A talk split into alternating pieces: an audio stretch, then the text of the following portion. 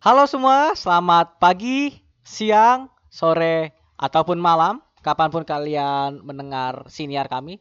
Kembali lagi pada siniar Warsawa atau Warsawa Podcast. Pada kesempatan kali ini, gue Hari sebagai moderator bakal membahas sharing session. Nah, pada sharing session kali ini kita bakal membahas tentang bagaimana sih kejujuran itu memiliki posisinya dalam kehidupan kami masing-masing. Masing-masingnya itu dari kami-kami ini anggota dari Siniar Warsawa ya. Nah, pada kesempatan kali ini yang bakal jadi pengisi Siniar adalah gue sendiri, Hari. Lalu ada temen gue Rio, ada temen gue lagi Dawam, dan satu lagi Faiz. Nah, kita mulai aja dah ya sekarang. Gimana sih menurut kalian tuh kejujuran itu kalian definisin pakai kata-kata kalian sendiri jangan pakai wiki jangan pakai google mungkin gue mulai dari Faiz dulu nih yang kelihatannya kayaknya hidupnya anyep-anyep aja nih kalem-kalem aja ya nggak ada nggak ada tegang-tegangnya sih nih anak ya lihat aja lah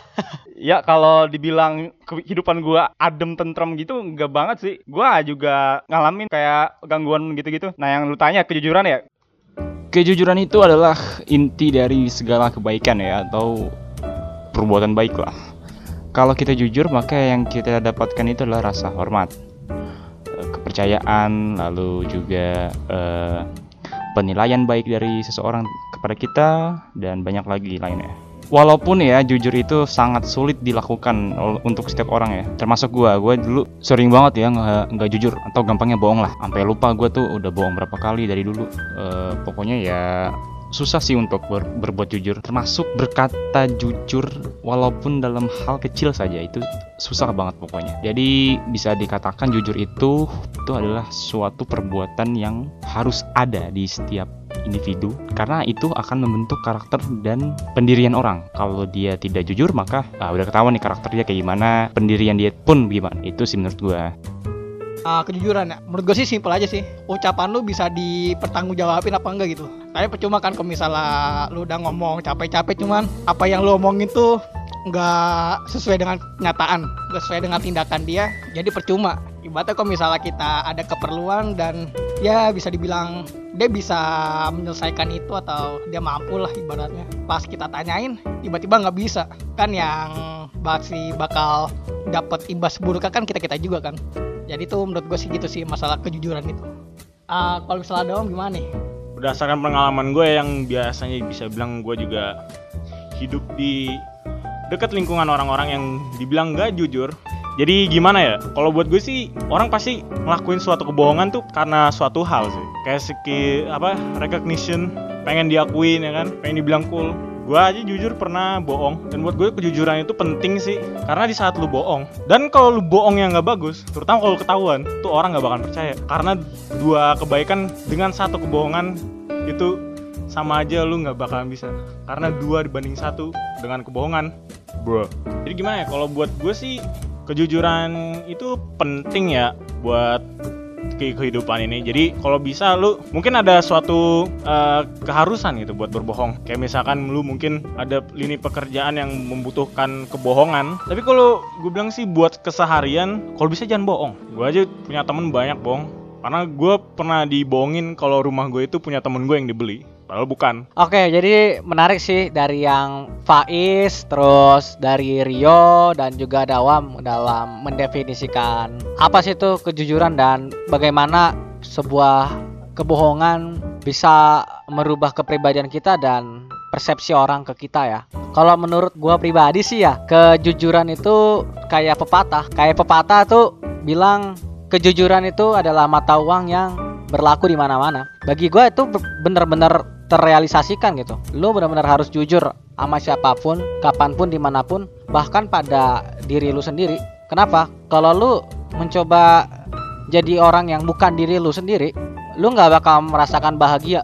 Dan itu yang gua rasain dulu ketika gua jadi people pleaser, gua coba ngebohongin diri gua sendiri dan dan mencoba menyenangkan orang lain tanpa gua memikirkan diri gua in the first place. Itu gua bener-bener ngerasa kayak gue kehilangan jati diri gue, gue kehilangan identitas diri gue. Makanya semenjak itu gue coba jujur sama diri gue sendiri. Itu yang penting sih. Nah, gue mau nanya nih ke Lolo pada, apa pengalaman lo yang paling epic ketika bohong dan juga dibohongin sama orang. Gua mulai dari Dawam dulu karena gue lihat kayaknya nih paling dark nih. Masternya bro. Silakan Daw. Kalau dari pengalaman gua sih yang biasanya bohong ya.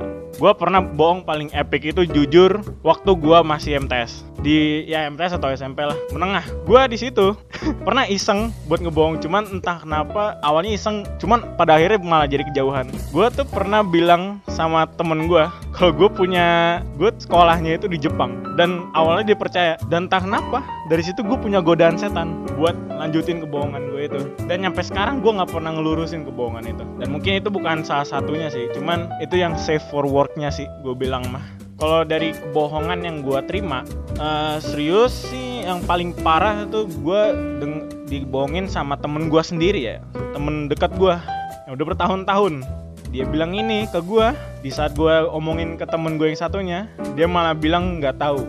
Jujur itu bener-bener sakit banget sih gue karena itu bener-bener ngerusak kepercayaan gue dan pertemanan gue sih selama bertahun-tahun ini. Mungkin dari muka-mukanya ini muka-muka maling gini jadi jago bohong. Kita lanjut aja ke Mas Rio ya. Jadi intinya uh, jangan percaya jangan percaya langsung sama orang yang uh, baru lu kenal gitu. Berarti gitu aja sih. Itu rentan banget lu dibohongin gitu. Jadi pengalamannya gini sih. Dulu gue kayak punya sesuatu yang gue inginin, gue yang mau gitu. Dan gue cerita sama orang tersebut yang ibaratnya baru dikenal dan pasti gue bakal ngomong di akhir pembicaraan gue sama orang itu uh, seperti ini Uh, tolong ya uh, ucapan yang tadi jangan diceritain ke orang-orang. Dan yang terjadi adalah semua orang tahu cerita itu dan. Ya lu bakal tahu lah semuanya bakal jadi apa ya uh, rusuh aja sih di hidup gue dan jadi agak risih aja gitu loh. Semuanya tahu apa yang gue mau kebaca aja gitu. Movement gue ke depan gimana gitu. Jadi itu aja sih. Batal lu jangan percaya sama orang lain yang baru lu kenal gitu. Uh, gue mau ke uh, Master Harry Farinudin dulu ya.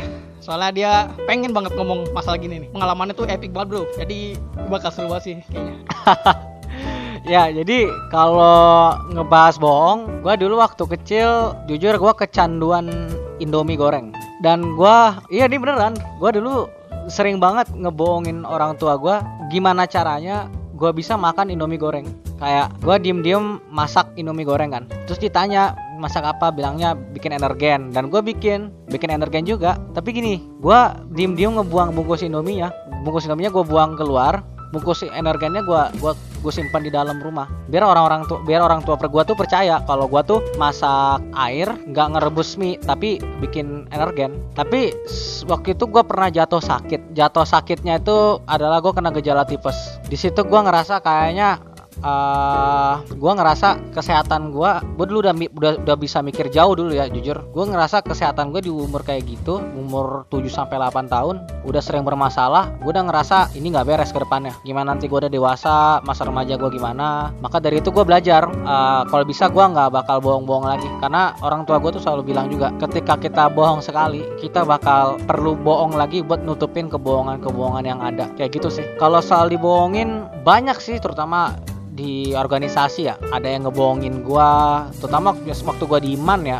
atau SMA banyak yang ngebohongin gua banyak yang ya you tahu lah banyak lah organisasi-organisasi yang ada di sekolah. Tapi salah satunya yang gue ikutin ada yang banyak bohong-bohongnya. Dan yang paling epic sebenarnya justru bukan di SMA sih. Yang paling epic adalah justru waktu SD gua dulu SD punya teman dekat dulunya teman main rumah sih. Dan gua ngepercayain gua ngepercayain uang gua uang gua yang gua tabung buat dia hitung gitu. Ternyata ternyata pas gua cek dia ngambil dikit-dikit duit gua. Dan itu sebenarnya gua sakit hati banget di zaman itu. Gua nabung selama itu sebanyak itu tahu-tahu dikorupsiin sama temen SD gua ini. Bukan teman SD sih, teman main gua waktu SD ini. Terus dia pakai buat kepentingan dia. Dan sialnya lagi dia ini justru ngetraktir gua dari hasil duit nyolongnya itu dari dari gua. Dan gue tuh sadar udah telat sebenarnya dan gue udah kecewa banget. Jadi nger- ngerasain rasanya dibohongin itu gimana dari kecil. Iya walaupun nominalnya sekarang kerasa kecil ya, tapi tapi gue udah ngerasain. Jadi gua benar-benar mulai ngehargain banget yang namanya kejujuran tuh dari kecil. Makanya gue sampai detik ini sangat menghargai sebangke-bangkainya apa pun itu kalau itu emang jujur depan gua, gua terima itu. Itu sih. Coba deh sekarang lanjut nih ke Faiz. Kalau pengalaman gue ya dibohongin ya. Dulu sering banget waktu SD kan gue ditawarin apa tuh mainan yang seharusnya harganya kan gak semahal itu. Gue dipaksa beli kan tuh. Harganya emang segini gitu. Maksudnya gue udah tahu kan aslinya harganya berapa. Gue udah tahu gue dibohongin kan.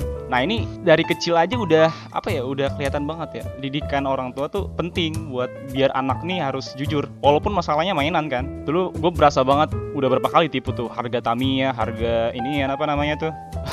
Iya mobil-mobil Tamiya tuh gue sering koleksi tuh. Dibohongin gue kan harganya eh, mahal yang ini loh. Yang kedua itu eh, waktu di jenjang SMP gue mulai sedikit bohong ya. Gue dulu SMP pernah bohong gue malsuin eh, lokasi rumah gue alamat rumah gue kan dulu karena gue tahu kan rumah gue saking strategis ya deket jalan gitu. Ya gue gue bohongin aja rumah gue tahu taunya di deket daerah Bintaro kan. Padahal enggak di sini. Di deket-deket perbatasan perbatasan Tangerang sama Jakarta. Nggak sampai Bintaro rumah gue itu berkesan banget dulu gue bohongin orang tuh. Walaupun gue ada ng- ngelakuin lagi sih sekarang sih. Gue jujur aja alamat gue emang di sini sekarang. Nah eh, dari situ gue mulai mikir nih eh, udah udah masuk ke jenjang kuliah kan emang ini ya. Kalau sekarang sih jatuhnya bukan bohong lagi nih dikiranya di prank gitu. Bukan bohong. Iya ujungnya alasannya prank aja gitu. Sekarang mah. Kalau gua dulu gua belajar ini eh, ngelatih biar nggak tawan banget bohongnya. Itu pernah gue dulu belajar. Tapi kalau udah kuliah gini gua kayak hal-hal gitu merasa terlalu apa ya belum ada perubahan. Makanya sekarang ini gua udah tahu ciri-ciri yang bohong mana. Nah sekarang juga banyak banget gue sering kena bohong. Model-model sekarang tuh kayak janjian gue udah di jalan ya. Gue udah di depan rumah lu ya. Padahal mah kagak belum jalan naik motor. Motornya juga belum dinyalain kan. Tau taunya dia bilang ke gue udah nyampe depan rumah. Nah ini yang sekarang nih sering terjadi bohong-bohong kayak gini keseringan kan jadinya. Ya itu sih yang pengalaman gue banyak sebenarnya bohong. Makanya gue eh, ingetin aja sih jangan eh, jangan tanamkan kebiasaan kayak gitu lagi ya. Udah jenjang kuliah gini kan maksudnya udah anak-anak banget lah. Apalagi dengan alasannya prank ujung-ujungnya gitu. Sekarang kan banyak banget istilah-istilah lah yang iya yang aslinya nggak manusiawi banget menurut gue Eh, itu aja sih menurut gue Oke, menarik sih dari pengalaman kita masing-masing ya. Nih buat eh, teman-teman yang dengerin siniar kami alias podcast kami, kita akui semua dari kita pasti pernah bohong. Nggak ada manusia di zaman yang sekarang kayak gini ya, apalagi yang kayak gini, yang nggak pernah bohong. Pasti minimal pernah sekali bohong. Bahkan gue pernah baca penelitian, pria itu sehari bisa bohong sampai tujuh kali loh. Itu beneran? Iya beneran. Kenapa demikian? Ya karena baik lagi kebiasaan. Ketika kita udah bohong sekali, kita bakal gunain kebohongan-kebohongan lainnya buat nutupin kebohongan kita yang lain. Tapi itu bukan jadi alasan juga buat kita bohong. Sebisa mungkin ke kita ketika kita tahu kita bukan pribadi yang sempurna, cobalah tidak merusak apa yang sudah terlihat tidak baik gitu. Kalau bisa cobalah menjadi baik, nggak cuma sekedar terlihat baik. Kenapa demikian? Karena di zaman sekarang ini kejujuran itu penting. Ketika lu jujur sama diri lu sendiri, lu terima diri lu apa adanya, lu terima masa lalu lu, lu terima kekurangan kelebihan lu, lu bisa keep on moving, lu bisa move forward ke kehidupan lu berikutnya. Karena lu udah kenal sama diri lu sendiri, lu udah kenal siapa diri lu, apa yang lu bisa dan apa yang lu nggak bisa, bagaimana persepsi orang ke lu, bagaimana nanti lu memandang diri lu di masa yang akan datang. Itu semua ketika lu menerima diri lu sendiri. Itu semua ketika ketika kita udah mulai jujur sama diri kita sendiri. Kita semua belajar dari pengalaman. Kita semua belajar dari kesalahan. Nggak ada manusia yang nggak melakukan kesalahan di dunia ini. Dan bohong adalah salah satu kesalahan yang paling sering kita lakuin sebagai manusia. Entah itu gue pribadi atau teman-teman dari Warsawa atau mungkin pendengar dari podcast ini sendiri. Bukan berarti gue sok baik apa sok bener, tapi karena ini sharing session juga, kita perlu banget yang namanya emang sharing yang apa adanya gitu dari ya dari pengalaman, dari opini kita atau mungkin dari apa yang kita pahami gitu. Mungkin sampai di sini aja ya untuk sharing session yang pertama kita. Ke depannya nanti sharing session dari salah adalah salah satu eh, mini serial dari siniar Warsawa. Iya ini disclaimer aja. Jadi sharing session mungkin bahasannya nggak terlalu keilmuan dan juga ya lebih ke arah pengalaman, opini dan juga lebih ke arah kayak pengen berbagi aja gitu ke pendengar-pendengar sekalian. Itu pun kalau ada yang mau dengerin ya. Tapi baik lagi, gua harap pengalaman yang baik dan yang buruk dari masing-masing dari kami di Warsawa. Kalau yang baik, tolong dijadiin pelajaran. Syukur-syukur bisa terinspirasi buat jadi lebih baik lagi. Kayak berlaku jujur pada diri sendiri. Tapi kalau yang buruk-buruk nih, kayak ngebohongin orang atau mungkin dibohongin, tolong dijadiin pelajaran aja biar nggak keulang. Apalagi melakukan yang sama dengan yang kita lakuin di sini. Mungkin itu aja sih dari kami. Sampai jumpa di podcast berikutnya. Selamat pagi, siang, sore, dan malam, atau kapan pun kalian mendengarkan siniar kami. Sampai jumpa.